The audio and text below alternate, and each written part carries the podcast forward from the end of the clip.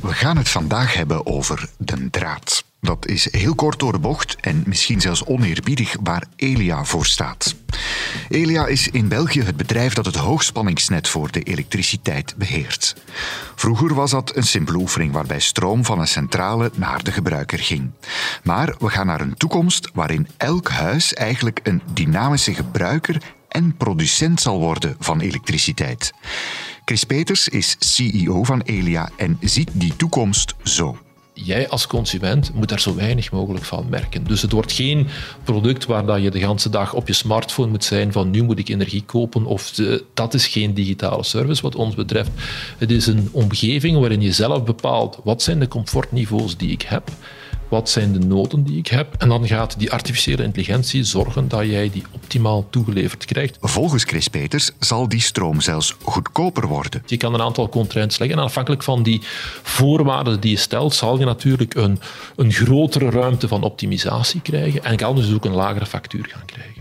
Elia bouwt dus aan een elektriciteitsnet dat zo'n slimme woningen mogelijk maakt. Maar tegelijkertijd gaat het bedrijf ook op zoek naar stroom in het buitenland en op de Noordzee. Elia moet zijn netwerk ook aanpassen aan het vervoeren van stroom over zeer grote afstanden. Niet alleen wij, ook de andere transportbedrijven van elektriciteit zijn volop aan het bouwen. En waarom moeten wij bouwen? Omdat natuurlijk die uh, effectieve transportafstand aan toenemen is. Wij moeten nu uh, energie gaan halen op zee. Vandaag is dat de Noordzee voor de Belgische kust, maar op termijn zal dat ook de verre Noordzee zijn waar dat wij windenergie gaan halen. De draad is dus niet meer zomaar de draad. De tijd vooruit. Hoe overleeft u de toekomst? Bert Rijmen gaat in gesprek met visionaire ondernemers en onderzoekers. De tijd vooruit. Deze podcast kwam tot stand met de steun van EY. Elektriciteit is een van die nutsvoorzieningen waar we eigenlijk niet echt stil bij staan. Het licht gaat aan, de wasmachine draait en sommigen onder u rijden al elektrisch naar het werk. De wereld achter het stopcontact is echter volop in verandering. We willen met z'n allen graag minder elektriciteit verbruiken en minder betalen. En de productie van elektriciteit zou steeds meer uit hernieuwbare bronnen moeten komen, zoals windmolens en zonnepanelen. Het netwerk en dus ook de hoogspanningskabels die dat net voeden, moeten zich daaraan aanpassen. Wat wil dat allemaal zeggen voor u en mij en hoe wij thuis elektriciteit gebruiken?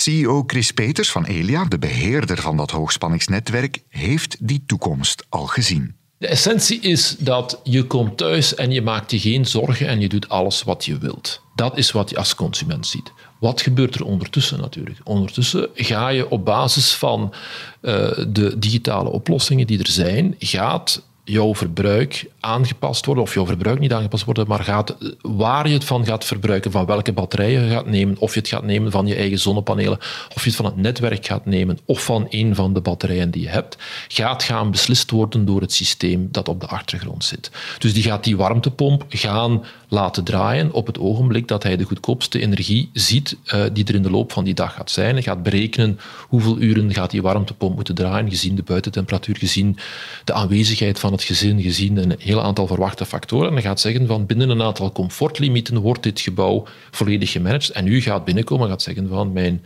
woning is perfect op comfortniveau gezet.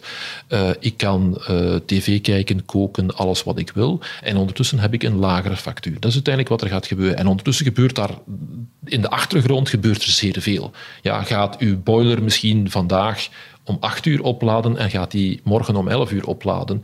Gaat omwille van het feit dat het weekend is, gaat je de batterij van je wagen een heel andere rol gaan spelen dan gedurende de week. Dus je gaat een heel aantal dingen gaan zien. Maar vooral wat belangrijk is, is die digitale technologie moet ervoor zorgen dat wij tegen 2030 daar eigenlijk niets meer van merken. Dat we zelfs in tegendeel, dat we eigenlijk extra elementen van comfort gaan krijgen en dat uiteindelijk hij al gaat bijvoorbeeld op het werk extra laden om ervoor te zorgen dat je extra energie uh, gaat hebben als je thuis bent. Of omgekeerd, dat gaat uitstellen omdat de energie later uh, goedkoper zal zijn. En dus dat ga je dan zien gebeuren. Maar vooral belangrijk blijft, jij als consument moet er zo weinig mogelijk van merken. Dus het wordt geen product waar dat je de hele dag op je smartphone moet zijn van nu moet ik energie kopen. Of de, dat is geen digitale service wat ons betreft. Het is een omgeving waarin je zelf bepaalt wat zijn de comfortniveaus die ik heb. Wat zijn de noden die ik heb? En dan gaat die artificiële intelligentie zorgen dat jij die optimaal toegeleverd krijgt, rekening houdend met een aantal uh, beperking of een aantal voorwaarden. Je kan zeggen, mijn batterij van mijn wagen moet altijd voldoende hebben dat ik nog naar de spoed van het ziekenhuis kan, mocht er iets in mijn gezin gebeuren. Of ik wil dat uh, tegen de ochtend ten laatste om een bepaald uur mijn wagen volledig opgeladen is. Je kan een aantal contraints leggen. En afhankelijk van die voorwaarden die je stelt, zal je natuurlijk een, een grotere ruimte van optimisatie krijgen en kan dus ook een lagere factuur gaan krijgen. In dat huis van de toekomst zullen we als het goed is dus minder verbruiken, minder betalen en daar eigenlijk niet mee bezig moeten zijn. Toch zal ons elektriciteitsgebruik ook gestuurd worden in die nieuwe situatie. We kennen nu al wel een dag- en nachttarief en velen onder ons laten de wasmachine daarom al s'nachts draaien, maar die aansturing kan beter. Als je gaat kijken, bijvoorbeeld iemand die een elektrische wagen heeft, die rijdt gemiddeld gesproken, als het iemand is die in Brussel werkt, dan is gekend dat hij gemiddeld 50, 60 kilometer per dag rijdt. Een wagen met een uh, thuislaadpunt zal ongeveer 20 kilometer per uur gaan opladen. Dus hij heeft eigenlijk maar drie uur laadtijd nodig om zijn wagen op te laden.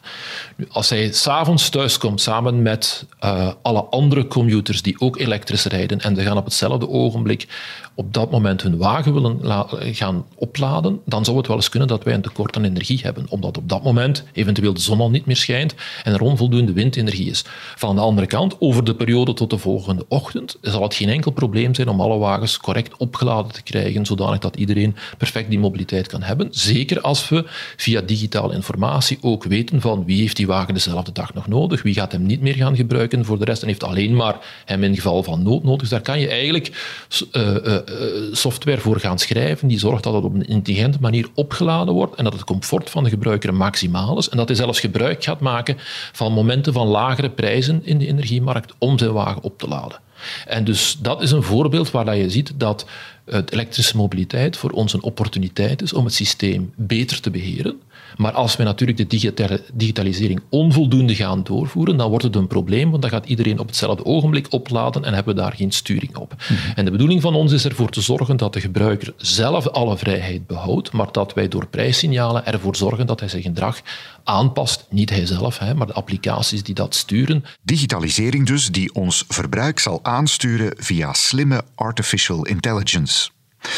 Het klinkt misschien nog als science fiction, maar in het Verenigd Koninkrijk bijvoorbeeld doen ze dit nu al. Vandaag zie je in het Verenigd Koninkrijk dat daar eerste echte commerciële producten van bestaan. Dus dat zijn uh, producten waarbij er naar een energieplanning gegaan wordt. Dus ze geven de dag ervoor geven ze de prijzen per half uur door aan de consument. En de consument kan dan op dat ogenblik zijn verbruik gaan aanpassen. Die toepassingen zijn nog, als zeggen, vrij rudimentair. Dat wil zeggen van er gaat in uw uh, uh, wasplaats gaat er een rode of een groene lamp aan om u te zeggen wanneer u de wasmachine moet aanzetten.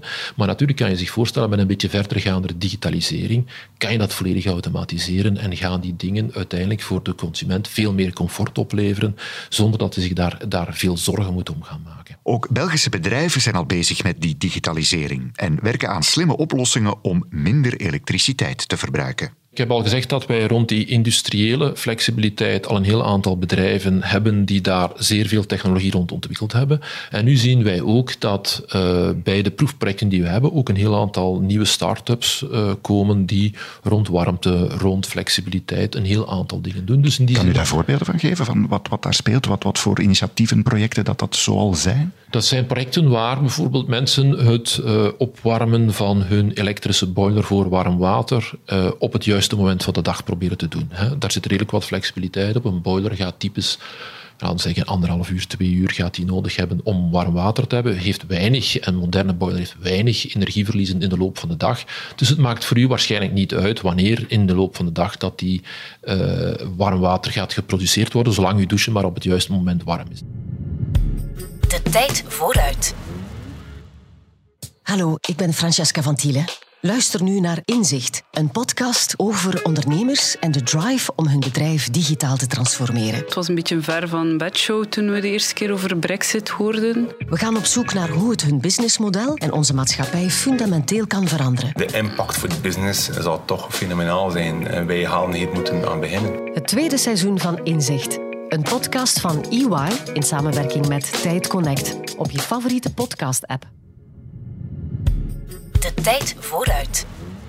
Wat u en ik thuis doen is natuurlijk maar één deel van het verhaal. We moeten het gros van onze stroom toch nog altijd halen uit verschillende energiebronnen. Dat zijn de centrales in ons land, maar ook steeds meer uit het buitenland en steeds verder ook van op windmolenparken op zee of op land. België verbruikt historisch gezien meer elektriciteit dan we zelf produceren.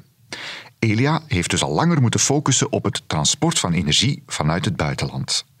Dat wil zeggen zorgen voor een goede aansluiting op internationale hoogspanningsnetwerken.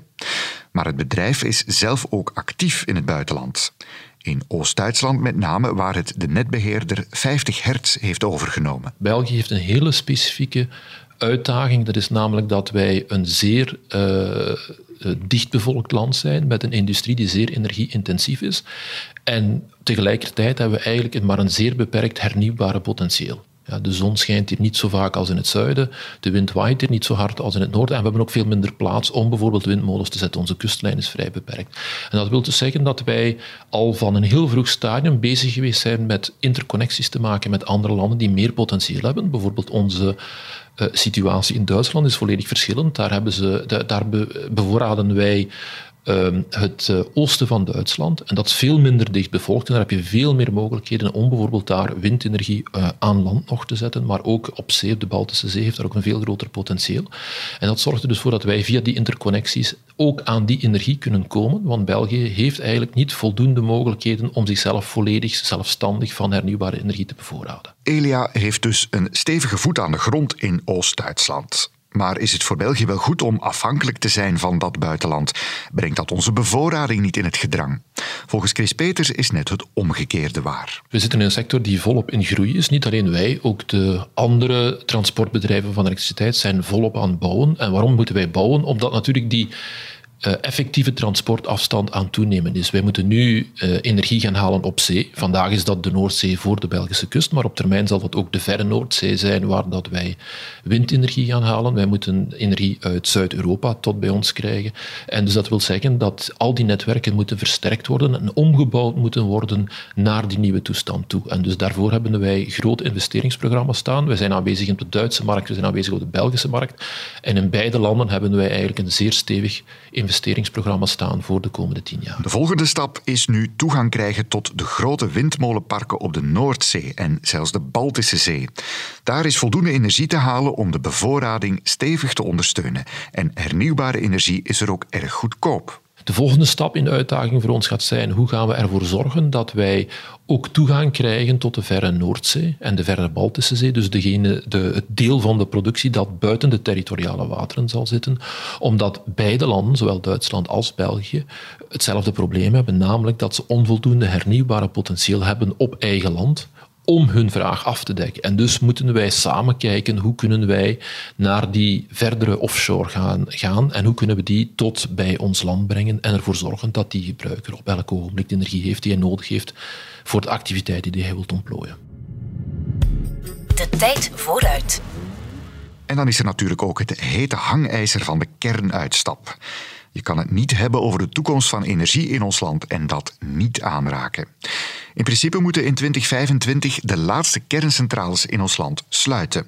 Maar door een zeer trage politieke besluitvorming is er twijfel of we op dat moment wel voldoende capaciteit gaan hebben van alternatieven, zoals hernieuwbare energie en gascentrales. Het zou dus kunnen dat de kernuitstap toch weer wordt uitgesteld.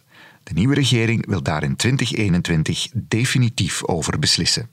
Chris Peters zegt dat Elia vooral snel duidelijkheid wil om te kunnen schakelen. Op dit ogenblik zijn wij klaar voor de beide scenario's. Dus op dit ogenblik stelt voor ons niet meteen een uh, probleem. Wij kunnen de, de beide scenario's aan, maar beide scenario's zijn zeer tijdskritisch. Dat wil zeggen, dus als wij die beslissing nog langer gaan uitstellen, wordt het natuurlijk veel complexer om die werken nog uitgevoerd te krijgen binnen die periode. Niet alleen voor ons, maar ook voor degenen die potentieel moeten investeren in vervangcapaciteit.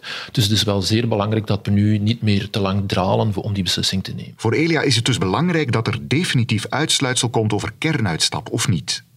Maar hoe moeilijk is het om nieuwe hoogspanningsleidingen gebouwd te krijgen?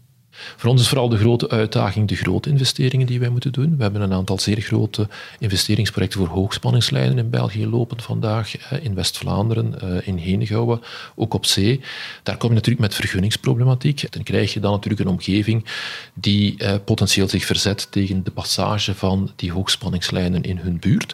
En dat zorgt wel voor een grote uitdaging voor ons om dan die infrastructuur nog tijdig klaar te krijgen. En het is wel belangrijk dat ze tijdig klaar is, want zonder die infrastructuur kan je de energietransitie niet waarmaken. Mhm. Maar wordt het u te moeilijk gemaakt? Zijn er te veel ja, hordes om te nemen in, in zo'n geval?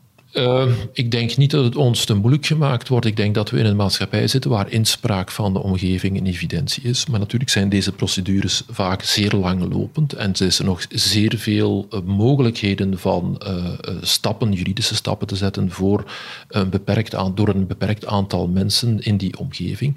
En, en, daar, en daar moeten wij rekening mee houden met de planning van die projecten. Dat wil dus zeggen dat we ook zeer vroeg moeten plannen om om een project tijdig klaar te krijgen. Dus het is zeker niet zo dat wij ons zouden uh, verzetten tegen het feit dat er lokale inspraak is. Ik denk dat dat een evidentie is in een moderne maatschappij.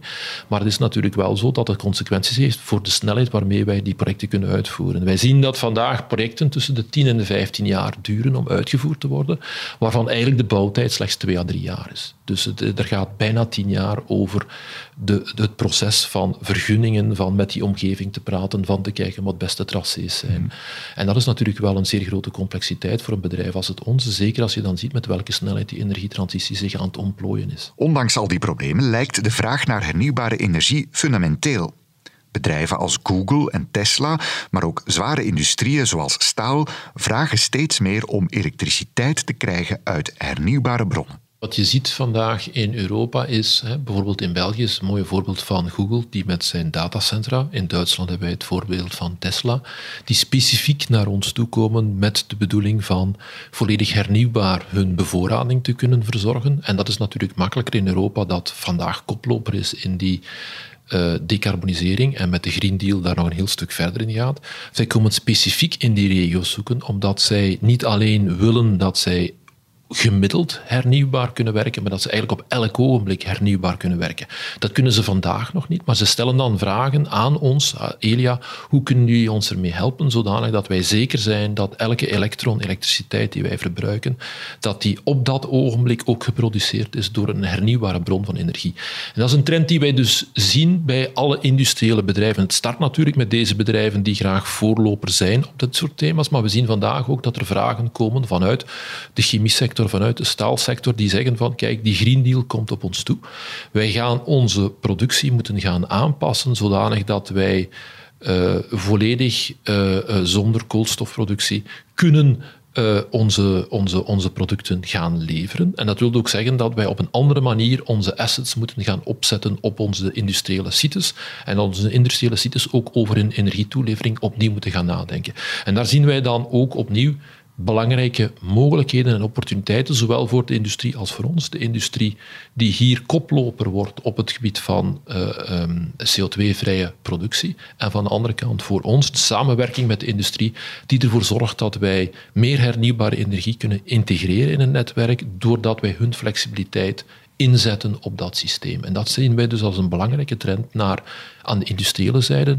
Niet vergeten dat zowel in Duitsland als in België van het elektriciteitsverbruik vandaag 75 à 80 procent industrieel verbruik is. Dus voor ons is dat ook een heel belangrijke dimensie om die op de juiste manier aan te pakken. En het wordt op die manier zelfs een mechanisme om, om bedrijven naar ons land te halen. Dan. Ja, absoluut. Tesla heeft duidelijk die keuze gemaakt op basis van het feit dat wij al zoveel hernieuwbare energie geïntegreerd hebben in Duitsland. Uh, natuurlijk, de andere factor is dat zij graag komen concurrentie maken met de Duitse automotive-industrie. Dus in die zin, het heeft, het heeft altijd meerdere redenen. Maar het feit dat ze daar specifiek op die plaats doen in Brandenburg, heeft te maken met het feit dat die hernieuwbare energie al zo ver geïntegreerd is. De draad van het hoogspanningsnet zal in de toekomst meer dan ooit een rol spelen in de manier waarop uw woning energie verbruikt en produceert. Die draad zal ook stroom halen van offshore windparken en regio's met veel wind en veel zon. Bedrijven, ook uit de zware industrie, vragen nu meer dan ooit om hernieuwbare stroom te hebben. En aan die vraag probeert Elia tegemoet te komen. Er gebeurt dus heel wat in de wereld achter uw stopcontact. De tijd vooruit.